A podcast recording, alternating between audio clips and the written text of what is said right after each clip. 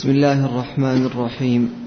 الحمد لله رب العالمين والصلاة والسلام على أشرف الأنبياء والمرسلين نبينا محمد وعلى آله وصحبه أجمعين. قال شيخ الإسلام محمد بن عبد الوهاب رحمه الله تعالى في نواقض الإسلام اعلم أن نواقض الإسلام عشرة نواقض. بسم الله الحمد لله والصلاة والسلام على رسول الله. هل هذه النواقض محصورة في عشرة أم هي أكثر؟ ليست محصورة بعشرة ولكن يعني هذه من أكبر النواقض وأهم النواقض ولا بد أن تعلم حتى يجتنبها الإنسان. نعم وهذا قلنا من حسن تعليم النبي صلى الله عليه وسلم أنه كان يذكر المسألة بعدد حتى تضبط تضبط وتحفظ. نعم وهذا الذي سار عليه علماء السلف ومنهم الإمام محمد عبد الوهاب رحمه الله تعالى. نعم. الأول الشرك في عبادة الله. الشرك في عبادة الله. يعني أي شرك؟ يعني الشرك الأكبر. وهذا لا يعني أننا لا ندرس الشرك الأصغر حتى نجتنب هذا الشرك الأصغر بل لابد من معرفة الشرك الأصغر حتى يجتنب والنبي صلى الله عليه وسلم بين لأمته الشرك الأكبر والشرك الأصغر والكبائر والصغائر. نعم. لكن لا بد أن يفرق بين الشرك الأكبر والشرك الأصغر. نعم. قال تعالى إن الله لا يغفر أن يشرك به ويغفر ما دون ذلك لمن يشاء. نعم. إيش معنى الآية؟ أن الشرك الأكبر إذا مات عليه فهو خالد مخلد خلود أبدي في النار. وإذا مات على الشرك الأصغر كنا فيه ثلاث أقوال. قول أنه يعذب بقدر شركه ثم يدخل الجنة. أنه مثل الشرك الأصغر مثل الكبائر. تحت المشيئة إن شاء الله عذبه وإن شاء عفى عنه. والقول الثالث إن كان الشرك الأصغر كثير لابد من العذاب ثم بعد هذا يدخل الجنة وإن كان قليل فهو تحت المشيئة. على أي اعتبار لابد أن العبد يحذر من الشرك سواء كان أكبر أو أصغر. وهذا قلنا الشرك الأصغر صاحبه موشك الوقوع في الشرك الأكبر. نعم. وقال تعالى إنه من يشرك بالله فقد حرم الله عليه الجنة ومأواه النار وما للظالمين من أنصار. نعم هذا نسأل الله السلام والعافية. إذا مات على الشرك الأكبر فقد حرم الله سبحانه وتعالى عليه الجنة. لا يدخل الجنة أبدا. نعم فهم خالد مخلد خلد أبدا في النار. ومنه الذبح لغير الله. ومنه وقلنا أن المصنف رحمه الله ذكر أمثلة على أنواع الشرك الأكبر منها الذبح لغير الله محبة وتعظيما كالذبح للجن أو أصحاب القبور. نعم. ومنه الذبح لغير الله كمن يذبح للجن أو للقبر. الثاني من جعل بينه وبين الله وسائط يدعوهم ويسألهم الشفاعة ويتوكل عليهم كفر إجماعا. نعم هذا الناقض الثاني وهو من جعل بينه وبين الله وسطاء ما نعبدهم إلا ليقربونا إلى الله زلفى هؤلاء شفعاؤنا عند الله. قال يدعوهم ويتوكل عليهم. وقلنا أن التوكل هو صدق الاعتماد على الله مع الثقة به والأخذ. بالأسباب. أقسام التوكل. نعم. الأول اعتماد مطلق وتفويض جميع أموره إليه واعتقاد أن بين جلب المنافع ودفع المضار. قال هذا الصرف لغير الله شرك أكبر.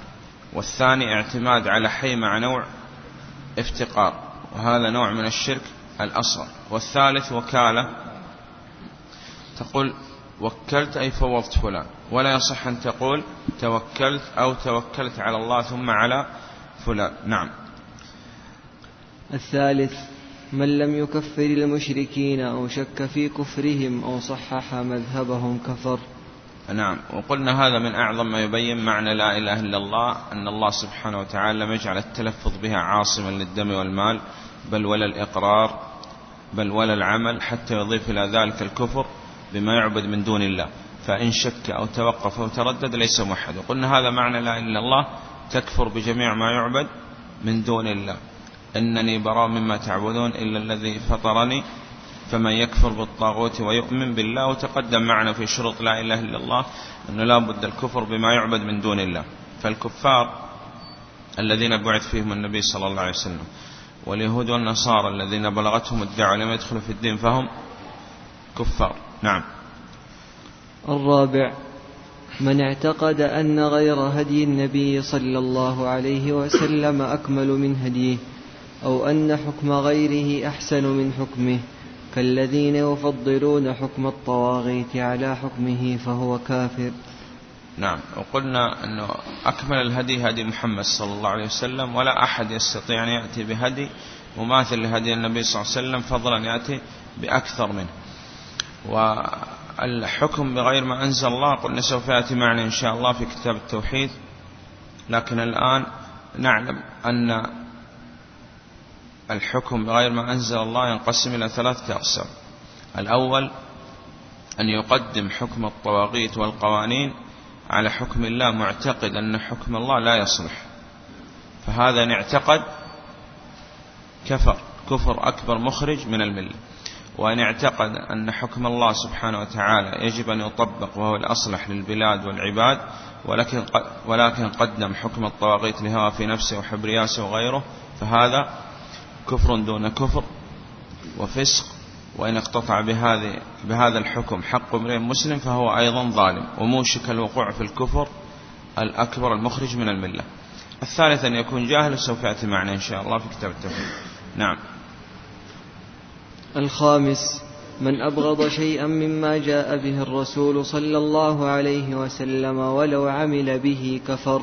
نعم وتقدم معنا أنه لابد أن تحب جميع ما أمر الله سبحانه وتعالى به من الأوامر الشرعية. فلا وربك لا يؤمنون حتى يحكموك فيما شجر بينهم ثم لا يجدوا في أنفسهم حرجا مما قضيت ويسلموا تسليما قال يصلي لكن يبغض الصلاة. قال هذا كافر. نعم. السادس من استهزأ بشيء من دين الرسول صلى الله عليه وسلم أو ثواب الله أو عقابه كفر. والدليل قوله تعالى ولئن سألتهم ليقولن إنما كنا نخوض ونلعب. قل أب الله وآياته ورسوله كنتم تستهزئون.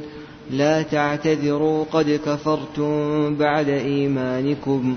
إن نعف عن طائفة منكم نعذب طائفة بأنهم كانوا مجرمين.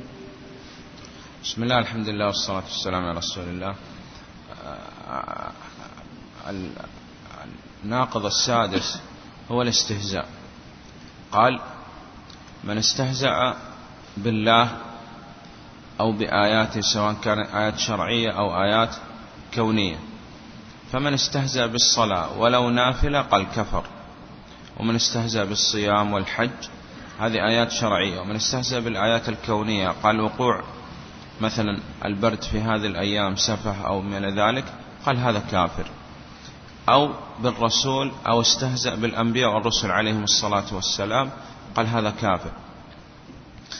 وقال هذا الأمر أمر مهم جدا ولا بد التنبه له وهو أنه قد يتكلم الإنسان بكلمة ولا يلقي لها بال ويقولها من باب المزاح أو الهزل أو ما لذلك ويكون بها كافر مرتد. نسأل الله السلامة والعافية. وقال الصحيح أن المستهزئ إذا تاب قبلت توبته. لعموم الأدلة قل يا عبادي الذين أسرفوا على أنفسهم لا تقنطوا من رحمة الله. لكن يتوب بشروط. الأول أن نعلم صدق توبة هذا المستهزئ. الثاني أن يثني على الله سبحانه وتعالى. الثالث أن يتبرأ مما قال. يعني يعلن على الملأ أن هذا الكلام الذي قاله كفر واستهزاء وأنه تاب منه. إذا لابد أن هذا المستهزئ قال يتوب وإلا نسأل الله السلام والعافية كان مرتد قل أب الله يعني ما بقي؟ أن تجعلوا مجال للعب والسخرية وغيره إلا أن تستهزئ بهؤلاء الثلاثة الذين هم أحق الحق. أب الله وآياته الشرعية والكونية ورسوله كنتم تستهزئون. وسوف يأتي معنا في نهاية هذه النواقض إن شاء الله تعالى. أن النواقض خلاصتها أربع أشياء. قول وفعل واعتقاد وشك. وهذا المستهزئ قال من أعظم الكفر لأن الكفر قال ينقسم إلى قسمين كفر إعراض وكفر معارضة. كفر إعراض يعني لا يدخل في الدين ولكن لا يتعرض لمحاربة هذا الدين مثل ما حصل من من أبي طالب صحيح؟ نعم هذا أعرض عن الدين. لكن كفر معارضة مثل ما حصل من أبو جهل وأبو لهب صحيح؟ ومن فرعون مثلا. قال هذا المستهزئ من أي هذين النوعين؟ كفر مع إذن أعظم الكفر هذا الذي يستهزئ ويسب.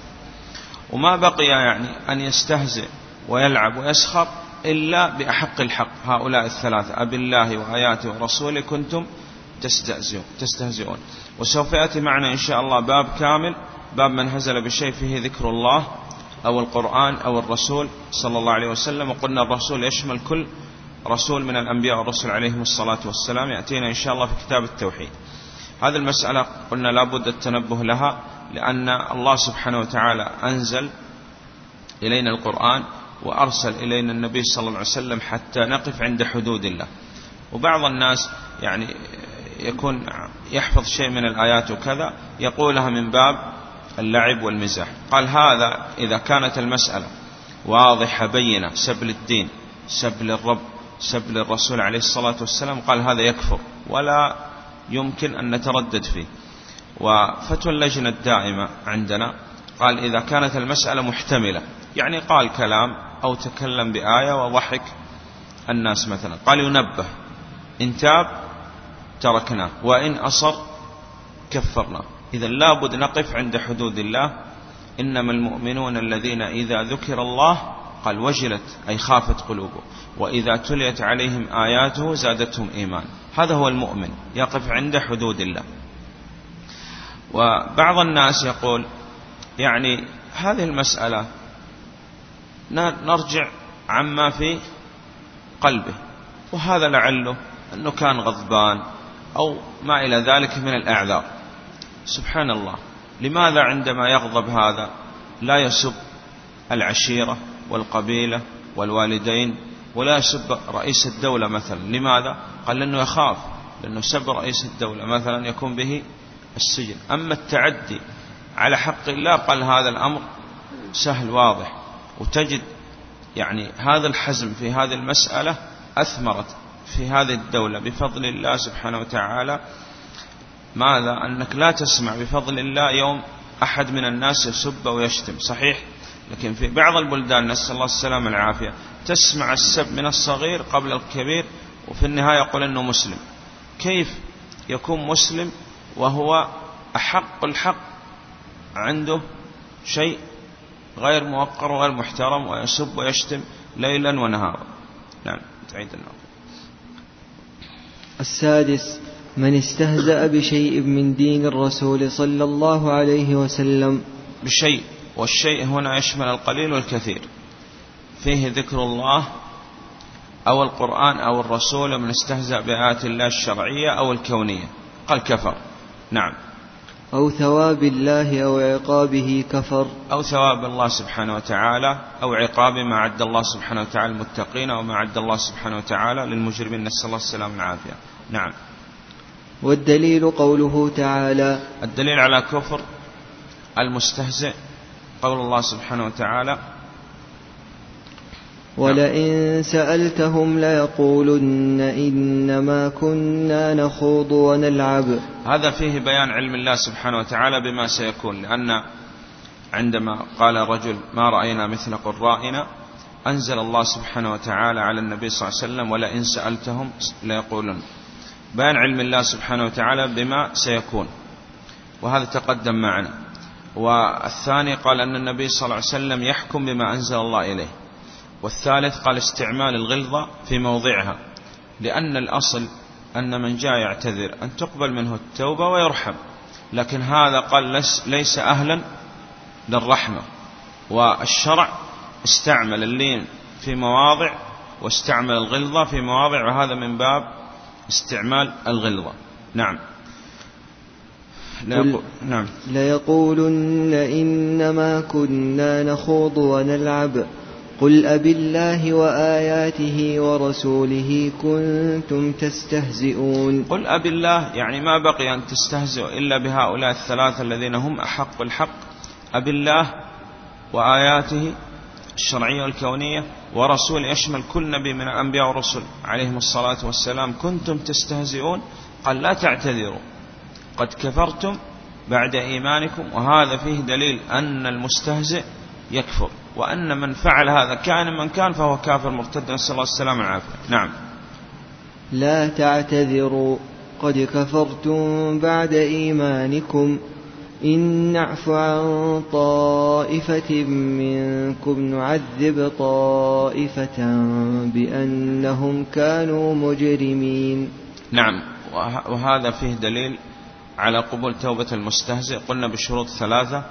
أن نعلم صدق توبة هذا المستهزئ وأن يثني على الله سبحانه وتعالى وأن يتبرأ مما قال. الذي يسمع السب والاستهزاء. الذي يسمع السب والاستهزاء. قال إما أن ينكر كما في هذه سبب نزول هذه الآية عوف. قال كذبت ولكنك منافق. هذا المؤمن حق. ينكر أو ينصرف. وإن بقي وسمع السب والاستهزاء ولم ينكر ولم ينصرف قال حكم حكم الساب المستهزئ. والدليل أن الله سبحانه وتعالى قال والدليل على أن من يسمع السب وقد نزل عليكم في الكتاب أن إذا سمعتم آيات الله يكفر بها ويستهزأ بها قال فلا تقعدوا معهم حتى يخوضوا في حديث غيره إنكم إذا مثلهم إذا الذي يسمع السب والاستهزاء إما ينكر كما أنكر عوف رضي الله عنه كما سوف يأتي معنا في سبب نزول الآية إن شاء الله في كتاب التوحيد أو ينصرف. وإن بقي وسمع قال حكم حكم الساب المستهزئ نسأل الله السلامة والعافية. وهذا فيه التحذير يعني من السماع لهؤلاء أو مشاهدة أحيانا تجد يعني بعض القنوات يعني يمثل بالصحابة بالنبي صلى الله عليه وسلم بالأنبياء والرسل عليهم الصلاة والسلام وغيره قال هذا استهزاء وسخرية. لا يصح النظر إلى مثل هذه البرامج. نعم. السابع السحر. ومنه الصرف والعطف. السابع يقول السحر. لا. ما وجه إرادة المصنف رحمه الله السحر في نواقض الإسلام؟ قال لأن السحر لا يمكن يتأتى للساحر إلا بالكفر بالله سبحانه وتعالى. وما يعلمان من أحد حتى يقولا إنما نحن فتنة فلا تكفر. فلا يمكن للساحر أن يأتي بما يريد إلا بالكفر بالله نسأل الله السلامة والعافية. ثم هو تقوم على الحجة لأن هذا الشيطان يقول له لا يمكن أن أصنع لك شيء حتى تكفر بالله نسأل الله السلامة والعافية. وهذا الساحر عبد للشيطان.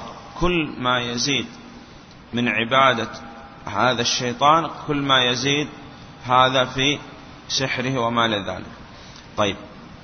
قال الناقض هو السحر ولأن الساحر يكفر والأصل أنه يقتل ولا يستتاب.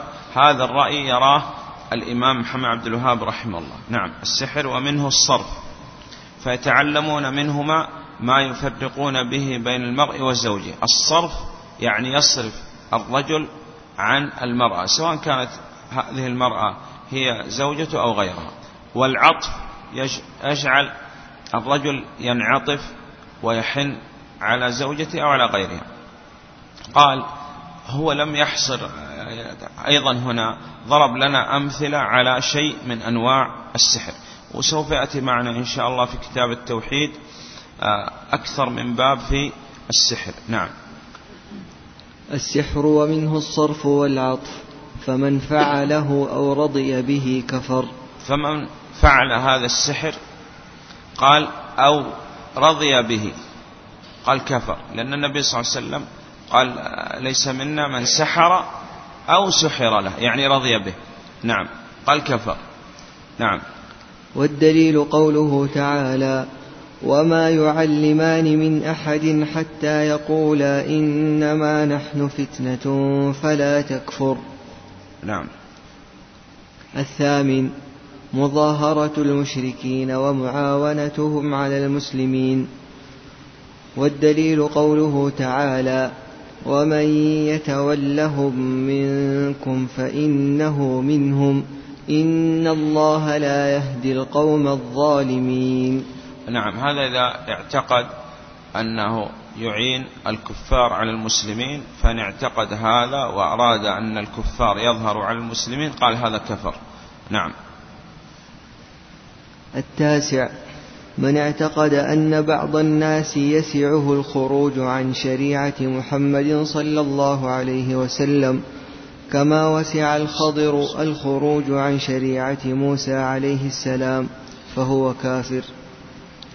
النبي صلى الله عليه وسلم بعث إلى الناس كافة بل إلى الثقلين الجن والإنس ولا أحد يستطيع أن يتخلف عن شريعته عليه الصلاة والسلام. وكان النبي من الأنبياء عليهم الصلاة والسلام يبعث إلى قوم خاصة وبعث عليه الصلاة والسلام إلى الناس كافة بل إلى الثقلين الجن والإنس. إذا لا يمكن أحد أن يتخلف عن شريعته عليه الصلاة والسلام وهذا تقدم معنا.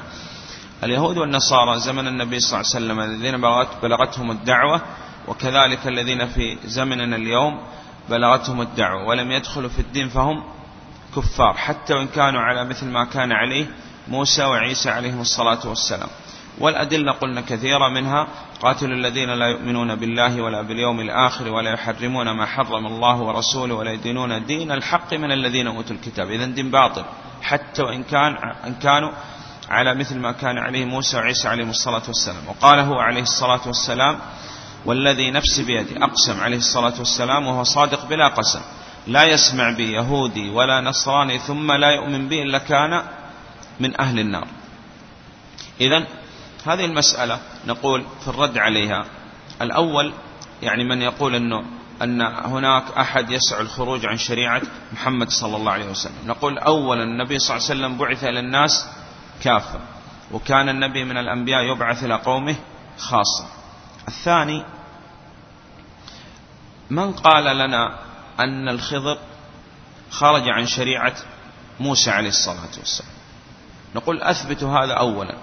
ثم حتى لو أثبتوا هذا الأمر نقول هذا خاص بموسى عليه الصلاة والسلام أنه كان بعث إلى قوم خاصة. وهذا النبي عليه الصلاة والسلام بعث إلى الناس كافة بل إلى الثقلين.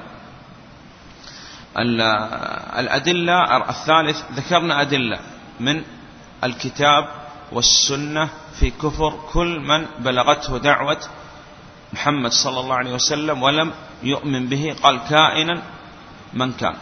نعم. وهذه المسألة مهمة جدا لأن هناك اليوم من يصحح مذهب هؤلاء ويقول اتركوهم طالما هم على ما كان عليه الأنبياء والرسل عليهم الصلاة والسلام. نعم. العاشر الإعراض عن دين الله تعالى لا يتعلمه ولا يعمل به والدليل قوله تعالى ومن أظلم ممن ذكر بآيات ربه ثم أعرض عنها إنا من المجرمين منتقمون. الإعراض عن دين الله سبحانه وتعالى بالكلية لا يتعلم الدين ولا يعمل به قال كفر بالله سبحانه وتعالى. نسأل الله السلامة والعافية. نعم.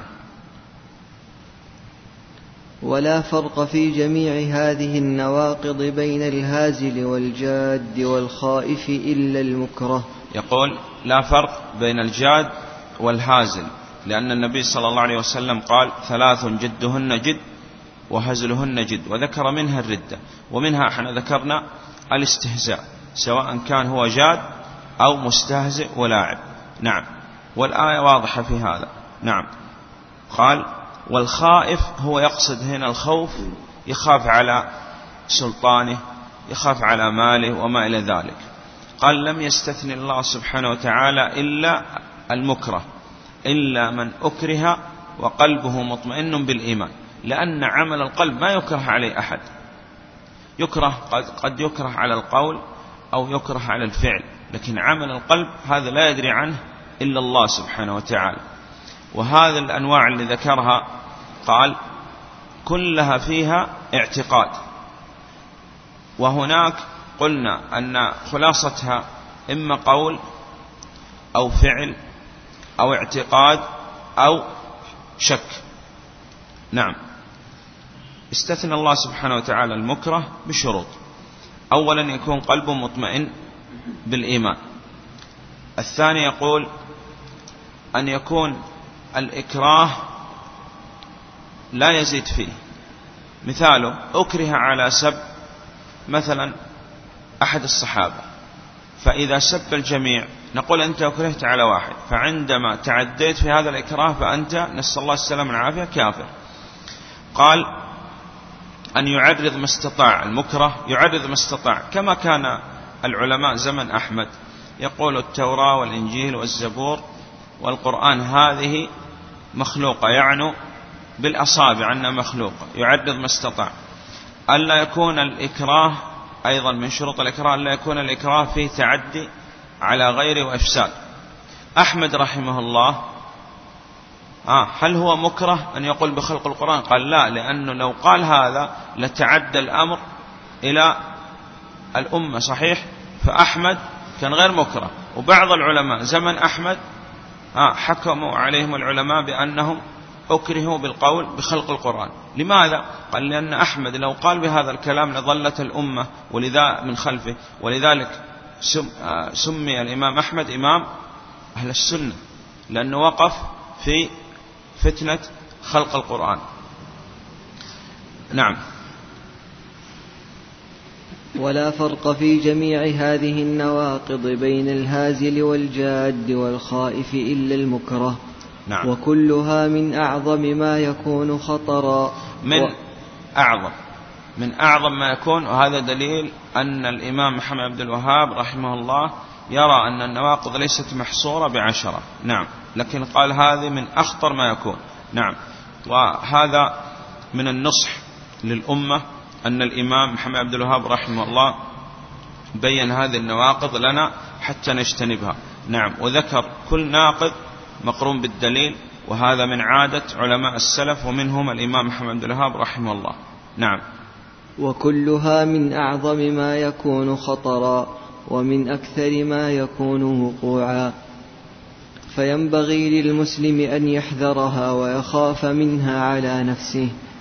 نعوذ بالله من موجبات غضبه وأليم عقابه وصلى الله على خير خلقه محمد وعلى آله وصحبه وسلم.